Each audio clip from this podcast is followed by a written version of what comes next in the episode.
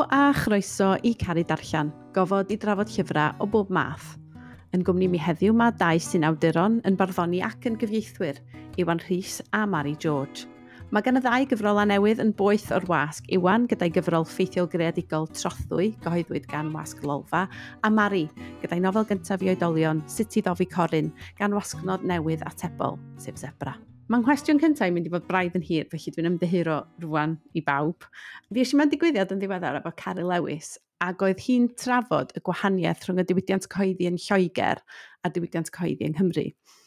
Ac oedd hi'n sôn sut oedd hi wedi syni yn Lloegr bod na rhyw fath o gysyniad a teimlad o stay in your lane. Wyt ti'n awdur ffuglen i oedolion neu wyt ti'n awdur plant? Be wyt ti? A bod na, bod na bwysau ar byw ti eisiau bod, tra yn Gymraeg, oedd hi rioed wedi teimlo hynna, bod na, bod na gyfle a trywydd i, i ddilyn eich cwys eich hun, os oedd ti eisiau sgwennu cyfrol i blant, bod hynny'n iawn, os ti eisiau sgwennu barddoniaeth cer amdani, bod na fwy o ryddid yn y Gymraeg.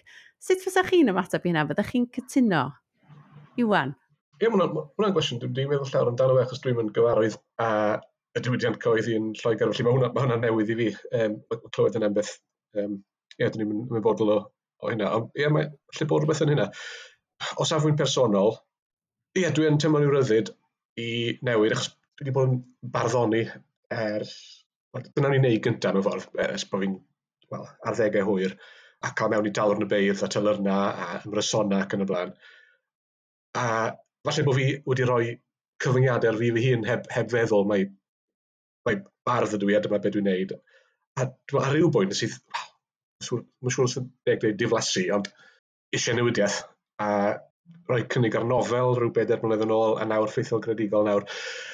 Ydy e rhywbeth falle i neu gyda'r ffaith, wel, i fi beth bynnag, dwi wedi penderfynu bod i yn sicr ddim eisiau trio creu bywoliaeth o ysgrifennu. Felly di'r ochr ariannol ddim yn dod mewn iddo fe i fi o gwbl. Cyfieithu ydw i i driol yn y Llyfr Menyn a wedyn uh, sgrifennu er diddordeb, er hwyl, er difyrwch. Felly falle trwy hynna, heb y pwysau ariannol yn glwm wrtho fe, mae rhywun falle jyst yn fwy rhydd i ni beth maen nhw eisiau gwneud.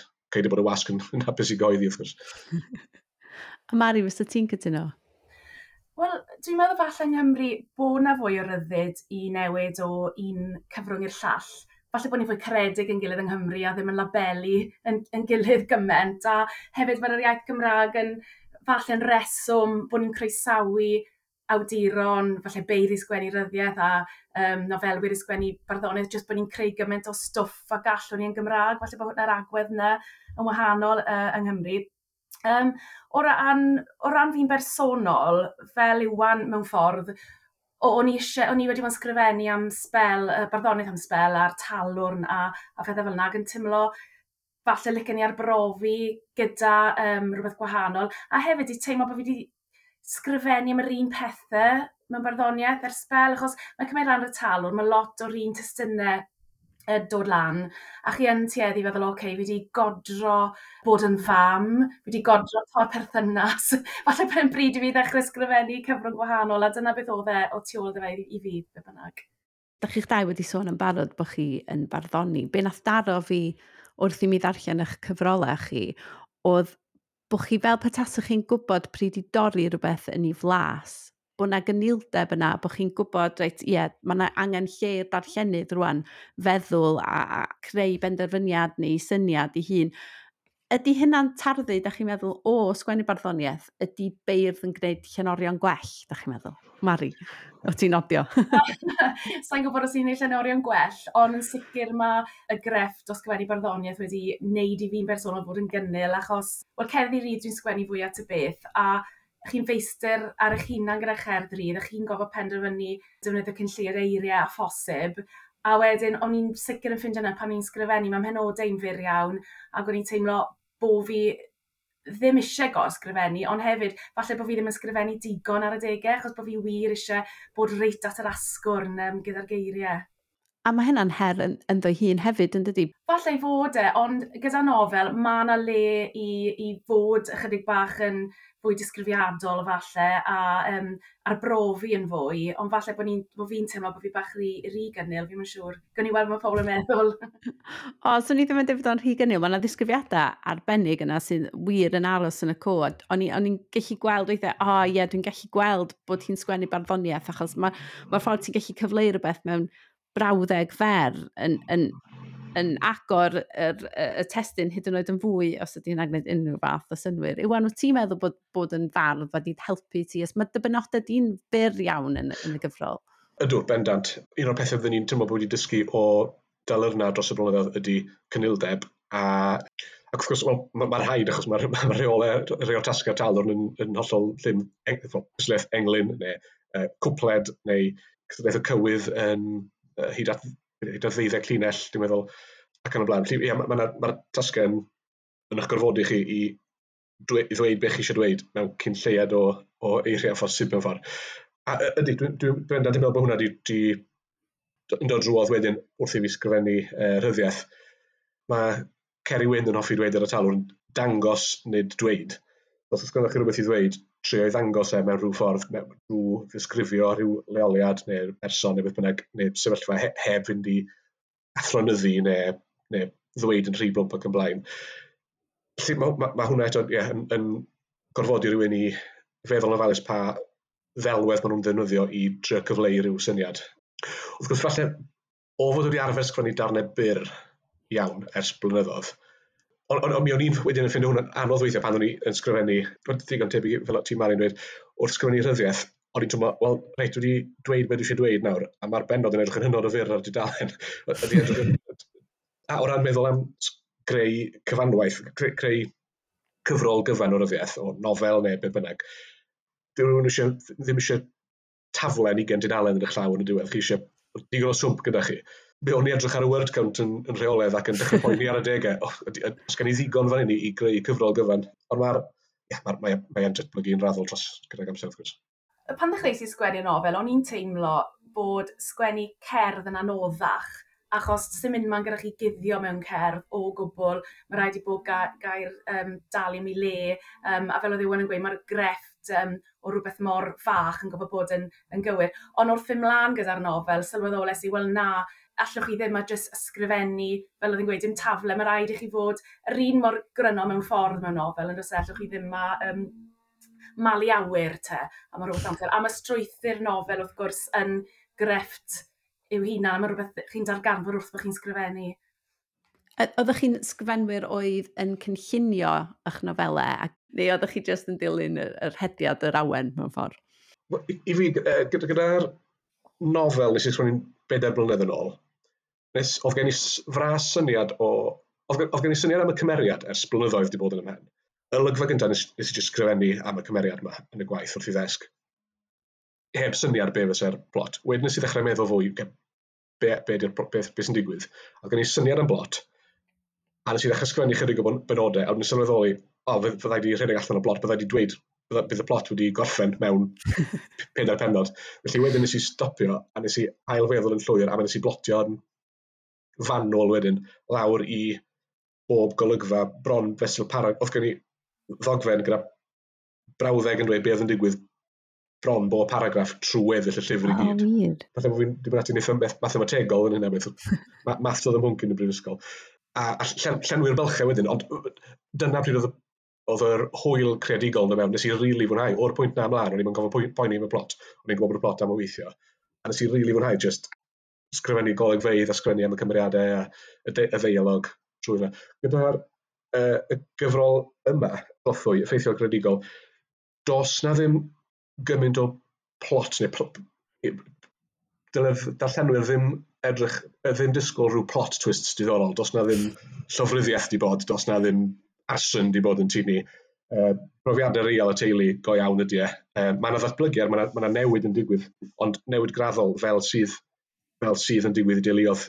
Dyna'r norm i'r fwy o deuluodd math o beth. Nes i sgrifennu hwnnw yn nid yn rhan amser o gwbl. Nes i jyst ti'n meddwl, o, oh, dwi eisiau sôn am hwn, sgrifennu darn. Dyna wedyn, o, oh, sgrifennu, peth arall ddigwydd o darn mynyddol, sgrifennu hwnna. A wedyn mae lot o lygfydd yn Berlin, nes i sgrifennu trawn i yn Berlin, a jyst yn disgrifio be o'n i'n gweld a be o'n i'n neud yno a rhoi'r mwy lai ar ôl gorffen drafft o'r cyfan, mynd ati i roi'r dewis trefn y cyfan. Nes i um, brintio allan rawddeg yn disgrifio be oedd pob penod trwy'r llyfr, i torri nhw gyda scalpel, a wedyn treoli trefnu nhw, i rhoi nhw mewn trefn yn ar y ddesg. Mari, nes ti wbeth tebyg neu? do, do, yn tebyg iawn, am wahanol iawn yw, ond nid maths oedd ym mhonci o gwbl o bell ffordd yn y goleg. Ond um, dwi'n meddwl bod chi'n gorfod um, mynd ati fel yna i sgrifennu nofel, neu chi jyst yn mynd i fod yn troi mewn cylchoedd. Um, dechreuais i gyda syniad bach yn ymhen i, a dau gymeriad na gyd o dy fi. A be nes i, mae pobl yn chwerthin ymwneud, be nes i oedd googlo uh, how to write a novel a dylunes i'r canllawiau wrth gwrs, nhw ddim yn rhoi'r nofel i fi, ond oedd hwnna'n ddefnyddiol tu hwnt, achos oedd e'n rhoi y wefan ffindio si, yn rhoi dyddiau penodol i chi a rhyw fath o deadlines oedd rhaid cyrraedd hyn a hyn o eiriau neu hyn, hyn o benodau mewn cyfnod. A wedyn oedd y drafft cyntaf wedi cael ei wneud a yn yr un ffordd a, a Iwan wedyn oedd llenwi y bylchau wedyn gyda'r sglein a rhyw fath o heinau gwahanol wedyn, hwnna oedd y broses greadigol. O fi yn credu bod rhaid chi gael yr nifer penodau a'r plot twists yn ei lle cyn bod chi'n dechrau sgrifennu uh, yn bendant yn ymhrofiad i, ty beth. Dim bod lot o twists yn hon chwaith. o, dwi'n ddim. Ond dwi'n meddwl bod mae'n ddifur iawn clywed y ffordd da chi'n trafod. Mae'n ffyrdd er bod gennych chi, da chi'n dod o gefndiroedd gwahanol a ti'n sôn bod ti'n mathemategol i wan, chdi ddim gymaint mari, ond bod chi wedi dilyn trywydd a ffordd gweddol debyg a bod chi'ch dau weld wedi mwynhau y mireinio a'r, ar, ar, ar llenwi'r bylchau wedyn wrth i chi sgwennu. O, yn sicr, mae broses o'r dechrau'r diwedd wedi bod yn addysg i fi, achos chi'n dysgu ar y job mewn ffordd, a mae'r holl beth o'r uh, syniad gwreiddiol i'r cyhoeddi a dewis y clawr, oedd hwnna i gyd yn, yn brofiad, o'n i ddim wedi meddwl am y pethau mae'r blaen, a fel ti'n gweud, y broses gredigol wedyn yw'r yw peth chi'n mwynhau ohono fe, a chi'n gallu ychwanegu. A fi yn meddwl bod fi cweith i gorffen chwaith, licen i gael y nofel nôl, ac fi wedi mewn rhywbeth arall, licen i ychwanegu ati nawr, ond mae'n rhy hwyr. Ond mae hynna yn rhan ohono fo'n dydi gofod gadael fynd a mynd reit, dyna ni, mae o'n barod rwan. Ydy hynna'n gam anodd i wneud? Ydy, ydy. A, nes i, dwi wedi cael profiad tebyg gyda'r um, gyda gyfrol yma trothwy. Gen i syniadau nawr am bethau eraill sy'n ni wedi hoffi ychwanegu, ond falle hwnna'n... Uh, ni... No arall. Ie, yeah, yeah. gwthio hwnna mlaen i'r syniad nesaf. Wel, Mari, os o'n i sôn yn, yn fwy penodol am dy gyfrol di sut i ddofi Corin, mae'n gyfrol am ofn sut ddath y syniad dath y syniad um, gwreiddiol, o'n i'n, um, wel, o'n i'n jyst yn mynd off ym hen yn y cyfnod clo, fi'n siŵr fel lot o bobl. um, oedd e'n gyfnod anodd iawn, of gwrs, daethon ni off ein hawdd iawn yn ein teulu ni, o'n i'n lwcus iawn. Ond um, oedd y cyfnod yna o fod adre, a dwi'n gweithio adre yn y tŷ ar ymhen yn hun ac yn sydyn reit oedd yr holl deulu o'n hwmpas i. Mae'n gynnig ffordd i ddianc, a fel y cymeryd yn y nofel, mae hi'n dianc mewn ffordd o'i sefyllfa. O'n i'n codi awr cyn pawb a o'n i'n mynd lawr llawr ac o'n i'n benderfynol bod rhywbeth positif yn dod allan o'r cyfnod. Felly, dyn, o dyna lle ddath y nofel. Ond o ran y syniad, o dy fi, syniad fi o'r, or ofnau yma, sy'n mae pawb ofn rhywbeth, a dwi ofn cyrnod. A o'n i'n meddwl, o, oh, beth tas y rhaid i fi ddelio dy cyrnod? Mae'r plant ofn nhw hefyd, felly mewn ffordd, dwi'n gorfod taflu'r corin mas drwy'r ffenest achos bod y plant ofn, oh, fi'n gwybod bod yn oedolyn pan maen nhw yn ei lle. Um, a wnes i just feddwl lot am hwnna, a yn ddiddorol iawn, gollon ni dad flwyddyn yn ôl, ac oedd dad yn dioddau o MS, a oedd mam di cyrraedd pen i thenyn gyda, oedd meddyginiaeth um, draddodiadol ddim wir yn gweithio i dad, a nath i lot o ymchwil, a gafodd i hyd i wenwyn neidr ar y we sy'n rhyfedd iawn i mam wneud o fath beth, ond mae'n athu. A oedd y gwenwyn yma dal yn cymryd y gwenwyn neidr, a mi wellodd e'n gyfnod. Wrth gwrs, nath e mwynhau eto, ond ar y pryd, oedd e fel rhywbeth o wyrth, oedd y gwenwyn yma di wneud lot o les iddo fe. Fi'n mynd siŵr beth oedd yn wael yno fe, fi'n mynd siŵr, a fi'n mynd gwrs e, oedd e'n gyfreitlon. A mae mam ofnadrodd, felly ben, ben, ben, nes i bod hwnna'n rhywbeth ddiddorol iawn, bod rhywbeth chi wir ofn yn gallu bod rhywbeth sy'n achub eich bywyd chi neu yn newid eich bywyd chi? Gan dy fod i ofn cyrynod, oedd o'n anodd gorfod gwneud y gwaith ymchwil ar oedd, a ddiddorol iawn, oedd um, darllenes i bod Manon Stefan Brost i gwneud yn ddiweddar bod angen i awdur fynd i'r afel a gofne, a es i bach yn obsessed gyda crynod, achos um, brynes i lyfr am grynod, ac o'n i braidd yn gallu edrych arno fe, ond oedd e'n ddiddorol i wneud eich hunan i ddarllen am y corin, a mae'n greadur arbennig, er bod fi ddim yn licio nhw, dwi'n edrych nhw'n fawr am y pethau maen nhw'n gallu wneud. A um, do, mae'n ddiddorol iawn, byddwn i'n meindio sgwennu mwy am, am y corin bach, Drian. Wel, ti'n meall bod gyfres o... Wel, ges i'n gwneud gan Wenynen yn ddiweddar, so ni'n meddwl falle taw y, y gyfrol nesaf fydd sut i ladd Wenynen.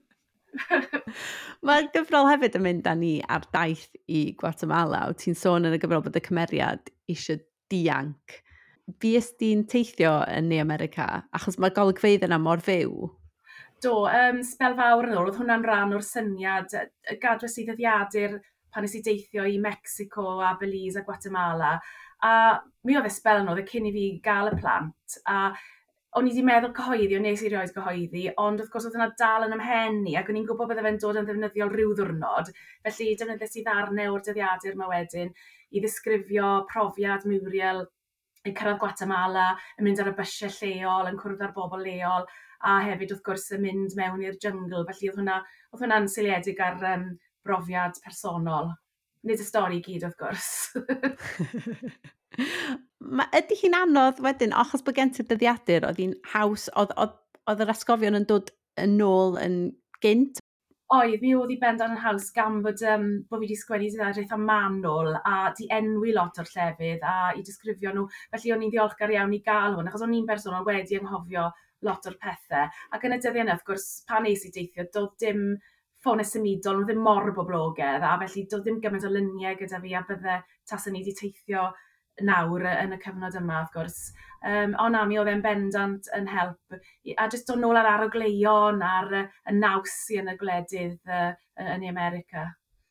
Achos mae'r arogleion, mae'n un o'r pethau dwi'n cofio fwy o ddarllen y gyfrol, bod, bod mae'r ma darlunio mor fyw as bod ti'n sôn am yr arogl, er, er, er, mae'r synhwyra'n gryf iawn, a o'n i'n cymryd, o'n i'n meddwl bod o'n dod o brofiad heb wybod bod ti wedi bod yn teithio'n benodol yn Guatemala, oedd o'n fyw iawn. No, efallai hwnna'n dod o'r elfen farddonol ohonau hefyd. Fi'n sylwi ar, ar ogleion lot. Mae'n ngŵr i'n gweud bod trwy'n sensitif iawn Ond iwan, mae dy gyfrol di mynd â ni i Fyrlyn yn gyson. Ydy o'n anodd sgwennu, oedd ti'n sôn gyna bod ti wedi sgwennu pethau tra oedd ti yn Merlin o ran y penodau yn y gyfrol? O'n i wedi bod yn mynd i Berlin um, well, yeah, tan rhyw ebyn hyn, rhyw, uh, saith mlynedd yn ôl, ond erioed i bod i Berlin. A wedyn, oherwydd uh, cysylltiadau teuluol, uh, dwi wedi dod yn llystad, a dyna, dyna brif uh, thema'r llyfr. A mae tad y bechgyn yn byw yn Berlin. Felly trwy hynna, dyn ni'n mynd nôl ymlaen yn rheolaidd. Dwi, dwi nawr wedi bod yn Berlin tua 20 o weithiau mewn 6-7 mlynedd. Dwi'n dod i nabod y ddinas yn go dda. Neu, neu mae berthyn, berthynas i ar ddinas wedi datblygu dipyn erbyn hyn. Ie, yeah, y disgrifiadau o'n eisiau, beth o'n eisiau i gyfleu am y ddinas, nes i fwynhau'r broses na, a, a wneud hyn a lot tra o'n i yno yn ystod mewn caffis yn, yn sgrifennu, yeah, neu, neu dafar neu beth bynnag. A e, eto mynd, mynd nôl i gyngor Ceri Wyn ar y talwr dros blynyddoedd, dangos neu dweud. Felly, o'n i'n trio cyfleu y ddinas, nid trwy rhyw, unrhyw ddatganiadau mawr am marn i am y ddinas, ond jyst drwy sefyllfaoedd bach disgrifio'r caffi, disgrifio be ni'n gweld, disgrifio'r bobl, i gyfleu merthynas i a'r ddinas, ar o syniad o'r ddinas i bobl o'r, or tu allan. Wel, dwi'n meddwl dyna nes i fwynhau'r arw am, am y disgrifiadau o Berlin oedd y ffaith bod ti'n dathlu y pethau bach mewn ffordd sy'n gwneud dy berthynas, sy'n sy adeiladu ar dy berthynas di efo'r y ddinas. Tywed, wrth i ti fynd ar y daith yma fel hystad, fel bod, bod y berthynas di efo'r ddinas yn, yn dod yn fwy normal mewn ffordd, wyt ti'n dod yn fwy cyfforddus a ti'n dilyn y daith yna mewn ffordd?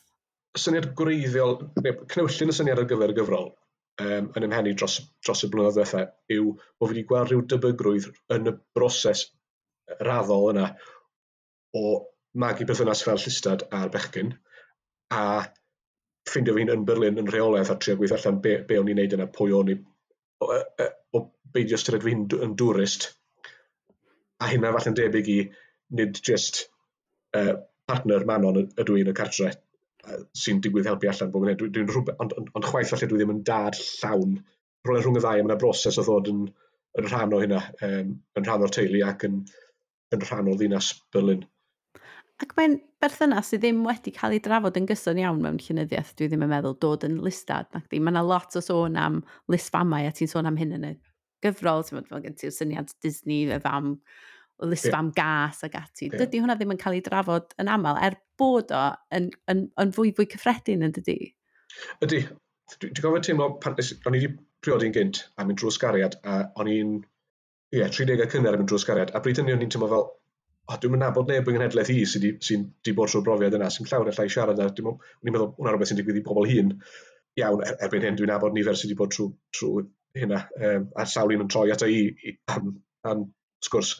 Ac yn yr un peth wedyn, gyda bod yn llystad, nes i ddod i'n abod Manon a symud mewn pan o'n i'n chydig flynyddoedd yn ôl, yn tri, y canol i hwyr, a dechrau meddwl, waw, okay, dwi am fod yn llystad, be, dwi'n mynd abod neb, dwi'n mynd abod neb o'n genedlaeth i sydd wedi cael y brofiad yna. Felly eto, oedd neb penodol yn gallu troi ato am sgwrs am y brofiad a hwnna hefyd yn rhyw yn ysgogiad i sgrifennu. I feddwl, wel, dros na ddim cyngor, dros na ddim sgwrs lawer am y peth yn y Gymraeg, beth bynnag.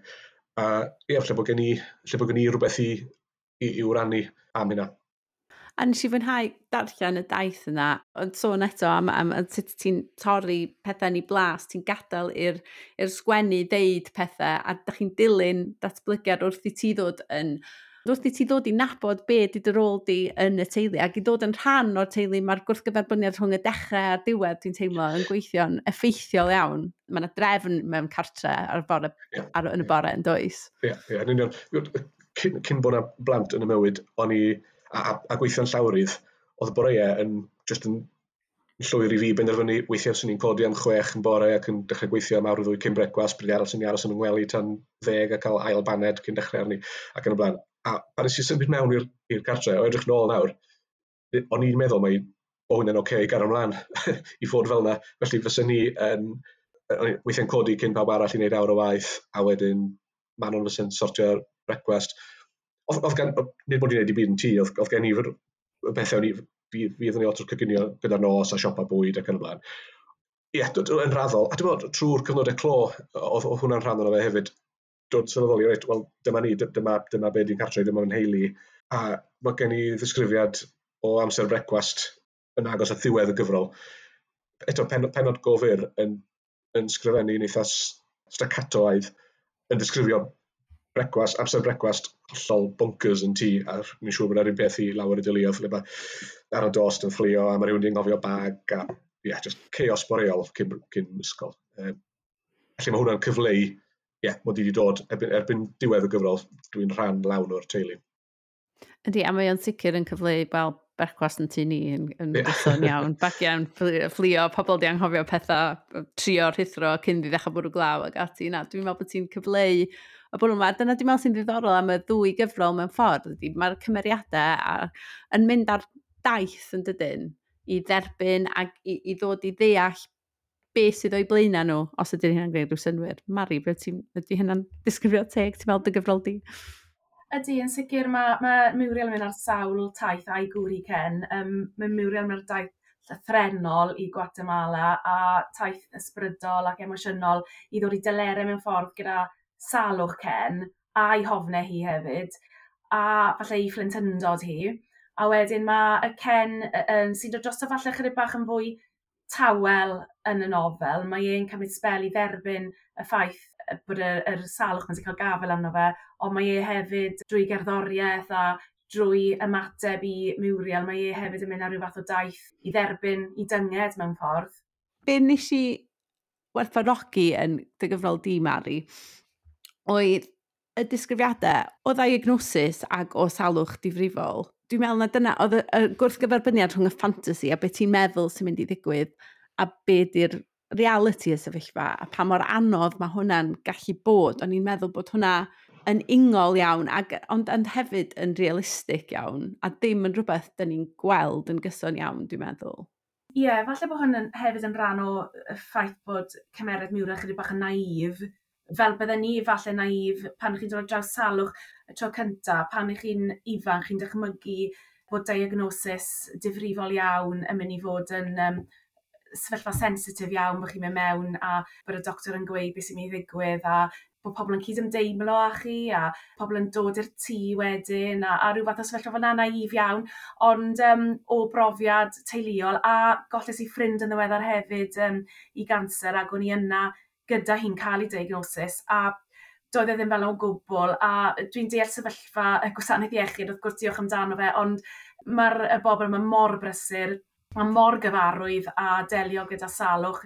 Mi weles i hyn yn digwydd, oedd y doctor yn dod mewn tu ôl i gyrten gyda criw o fyfyrwyr a sŵn y bob man ac yn gweud wrth yn ffrind i, o ie, mae gen ti ganser. A dyna ni, am mi athau e, a oedd rhaid delio ar peth uh, reality bywyd yw e mewn ffordd, ond um, yeah, o'n i'n trio cyferbynnu yn y llyfr y syniad yma sydd gyda ni a wedyn y reality eitha creulon yma. A hefyd, dw, lot o bobl ddim eisiau siarad am salwch a o'n i eisiau cyfleu yn y llyfr. Ar ôl i berson farw, mae yna bobl yn dod i'r tŷ a mae yna um, gyd ymdeimlo, mae yna flodau. A pan mae person yn sal, wrth gwrs mae rai pobl sydd wedi bod drwy'r profiad yna i chi, ond mae yna lot o bobl yn diflannu a dwi'n eisiau siarad am y peth, a ni'n ffeindio hwnna'n anodd gyda salwch dad, o'n eisiau siarad, ond oedd pobl yn newid y pwnc, felly fi'n gobeithio bod fi wedi gallu cyfleu hwnna hefyd yn y llyfr. Oedd o'n teimlo'n real iawn ac o'n i'n gwerthfarogi bod yna rhywun yn sgwennu amdano fo mewn ffordd achos mae yna ma ofn dwi'n meddwl yn does, yn wedi pan mae pobl yn sal, di pobl ddim yn siŵr faint maen nhw fod i siarad, ddim yn gwybod sut ella i ymateb Ond mae hynna yn gwbl ddealladwy, ond yn anodd iawn ar y degau fel oedd ti'n sôn bod ti eisiau siarad am y peth, ond bod pawb fel tasen nhw'n cymryd cam yn ôl, felly oedd o'n braf iawn gweld hynna ar bapur. Oh, yeah, yeah. Wrth gwrs, mae sefyllfa pawb yn wahanol, ynddo fe? Mae, mae rai pobl... Ydy, wrth gwrs. Oh, yeah. Nes i werthfrogi hynna'n arw. Mae cyfrolau, wrth gwrs, allan rwan yn eich siop lyfrau leol da ni'n dod i gyfnod adnolig a cyfnod um, prynu llyfrau'n anreg i bawb wrth reswm. Oes na gyfrolau ydych chi'n edrych ymlaen at i darllen neu cyfrolau ydych chi wedi darllen yn diweddar? Cymraeg nes i ddarllen yn lle ddiweddar a i fwynhau oedd uh, Stryd y Gwistlon gan Jason Morgan. Mae pob penod yn sôn am stryd benodol yn, yn, y pentre, yn y pentre yma. A mae ma, ma ma benod gyntaf yn sôn am y person sy'n byw yn rhif un mae'r ail bennod yn sôn am pwy sy'n byw yn rhif dau. Felly mewn ffordd, maen nhw'n ma nhw, ma nhw straeon byrion sy'n sefyll ar eu trad eu hunain, ond hefyd yn aml mae yna gysylltiadau rhwng nhw, a weithiau fydd yna un cymeriad o, o'r bennod gynt yn, yn, yn ymddangos yn, yn nes ymlaen ac yn ymlaen. blaen. A mae'n mae gweithio'n dda iawn fel yna. Sgen cofod allan y math yna lyfr o blaen lle mae straeon yn sefyll ar y trad hunain, ond yn gweithio fel un nofel hefyd, a, a sgwennu'n yn fywiog ac yn ffres. Wedyn llyfr Saesneg sydd allan chydig cynt. Dwi'n newid yn meddwl ar pa un dwi eisiau sôn amdano. uh, Wel, o'n i'n mynd i ddeud, a hwn i un o'r llyfrau gorau dwi wedi darllen erioed, uh, Europe gan Jan Morris. Mae hwnnw'n gampwaith. Casgliad o ddarnau wedi cael ei sgwennu dros ddegawdau a'i ffyrthynas i gyda dinasoedd ac ardaloedd, a mae'n mae, mae, llwyddo i gyfleu Ewrop sy'n gysyniad mor eang a dwys yn y gyfrol yn, yn, yn, yn gampus. Ond i roi rhywbeth chydig bach yn wahanol, llyfr dailwr gan un awdur, Bill Buford, newyddiadurwr o America, nath benderfynu wneud rhywbeth hollol wahanol a rhoi'r gorau waith mewn ffordd fel newyddiadurwr neu awdur am y tro i fynd i weithio yn llawn amser am ddim mewn ceginau proffesiynol uh, yn Efrog Newydd, yn Tuscany ac yn Ffranc. A sgwn i dau lyfr am y profiad yna o sut beth yw bywyd mewn y gweithio mewn ceginau proffesiynol ar y cyfan, rhai, rhai uh, sef Michelin ac yn y bant, ar y safon ucha, ond hefyd mae'n gweithio dipyn mewn um, boulangerie yn, yn Ffrainc. A ie, yeah, rhywbeth hollol wahanol, felly ffeithiol greadigol, a dwi wedi bod darllen nifer o hynna ddweddar, a hwnna sydd wedi uh, yn ysgogi yn rhanol i sgwennu'r nghyfroli. Felly, nid hunan gofiannau, ond mae yna elfennau hunan gofiannol amdanyn nhw, lle chi'n sôn am ryw brofiadau penodol yn eich bywyd uh, yn ytrach na'r y cyfan a dechrau gan ysgol gynradd ac yn y blaen. Mm. Yeah. A mae hwnna'n, ie, yeah, mae'n ma, ma, ma, ma ddiddorol achos mae ffuglen greadigol yn arbennig yn y Gymraeg yn diweddar wedi dod yn rhywbeth sydd o bwy o ddiddordeb yn ni, allai bod ni wedi teithio ddi wrth cofiannau traddodiadol. Da ni wedi gweld sgen i'n syniad gen Gwenllian Ellis, mae Dael yn Air gen Malch Edwards newydd ddod allan hefyd, priflod yr hyfel. Ond, ond ie, yeah, be, be ti'n meddwl sydd yn apelio gymaint am, am yr ffurf ar hyn o bryd? Dwi'n gwybod, just i, i fi'n bersonol, is i drwy sawl deg awd o ddarllen nofelau yn benna, a nawr dwi'n meddwl cyfnod o ddarllen ffeithio gwneud i gofio, lle byddai'n mae'n i gerddi caeth nesaf am gyfnod, dwi'n gwybod. Ond um, y, llyfr dwi ar fi'n, fi sy'n mewn lansiad neithiwr, uh, mae'r hael wedi dod i'r exam gan Geraint Lyfgrin, lle mae hwnna'n yr, yr un uh, stael eto dwi'n dychmygu. Hynny yw, cyflwyno hanes Clwb Pêl-droed Wrexham dros y degawdau, ond yn benod drwy i berthynas e, personol e a'r clwb. Felly mae'n lle yn hunan gofiannol, ond oedd, oedd mi oedd Geraint yn pwysleisio neithio'r nid hunan gofiant ydy. E. Wel, mae pobl eisiau pwysleisio hynna'n does, dwi'n gweld o'n yn aml. Um, ac os ti'n sôn am ddef coginio, mae hwnna'n rhywbeth o'n eisiau drafod a dweud y gwir o ti newydd atgoffa fi. Mae ma coginio a um, bwyd, dwi'n meddwl, yn dod yn gry... Dwi'n teimlo, dwi'n dwi, cofio lot o brydau bwyd yn y gyfrol yma am ryw reswm. Wyt ti'n mwynhau sgwennu am fwyd? Do, bendant. Dwi'n mwynhau coginio, uh, dwi'n mwynhau sgwennu am fwyd, a dwi'n mwynhau darllen am fwyd. Dwi'n dwi wrth y modd yn jyst yn darllen ryseidiau. Os oes gen i rhyw syniad am rhywbeth eisiau gwneud. Dwi'n dwi offi dilyn ryseit wrth goginio, ond dwi'n offi just pori a darllen mewn ryseidiau i gael rhyw syniad, a wedyn mae fy ati heb edrych ar lyfr yn diwedd. Uh, yeah, ah, difyr. Yeah yeah, dwi'n dwi, dwi mwynhau bita. dwi'n mwynhau bita, ond dwi'n fwy mathemategol yn fy nghyginio. Dwi ddim yn licio mynd off piece. Mae haid i fi ddilyn ar y site neu fydd o'n wrong a byddai di, byddai di sfwylio bob dim. Marius, gen ti'r un diddordeb mewn llyfr o cyginio?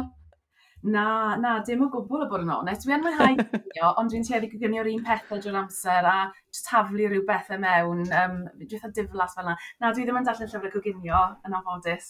Na, dylen ni, byddai'r plant yn falch.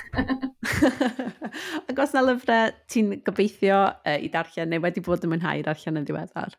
Um, Wel, yn ddiweddar nes i ddarllen All the Light We Cannot See gan Anthony Dower am uh, cyfnod uh, yr ail ryfel byd wrth gwrs a dau gymeriad, un yn Ffrainc a un yn yr Almain a oedd e, yna'n yn andwyol, oedd e, a, a mae'n berthnasol iawn wrth gwrs i'r cyfnod yma nawr o, o ryfelau ni'n gweld uh, yn y byd.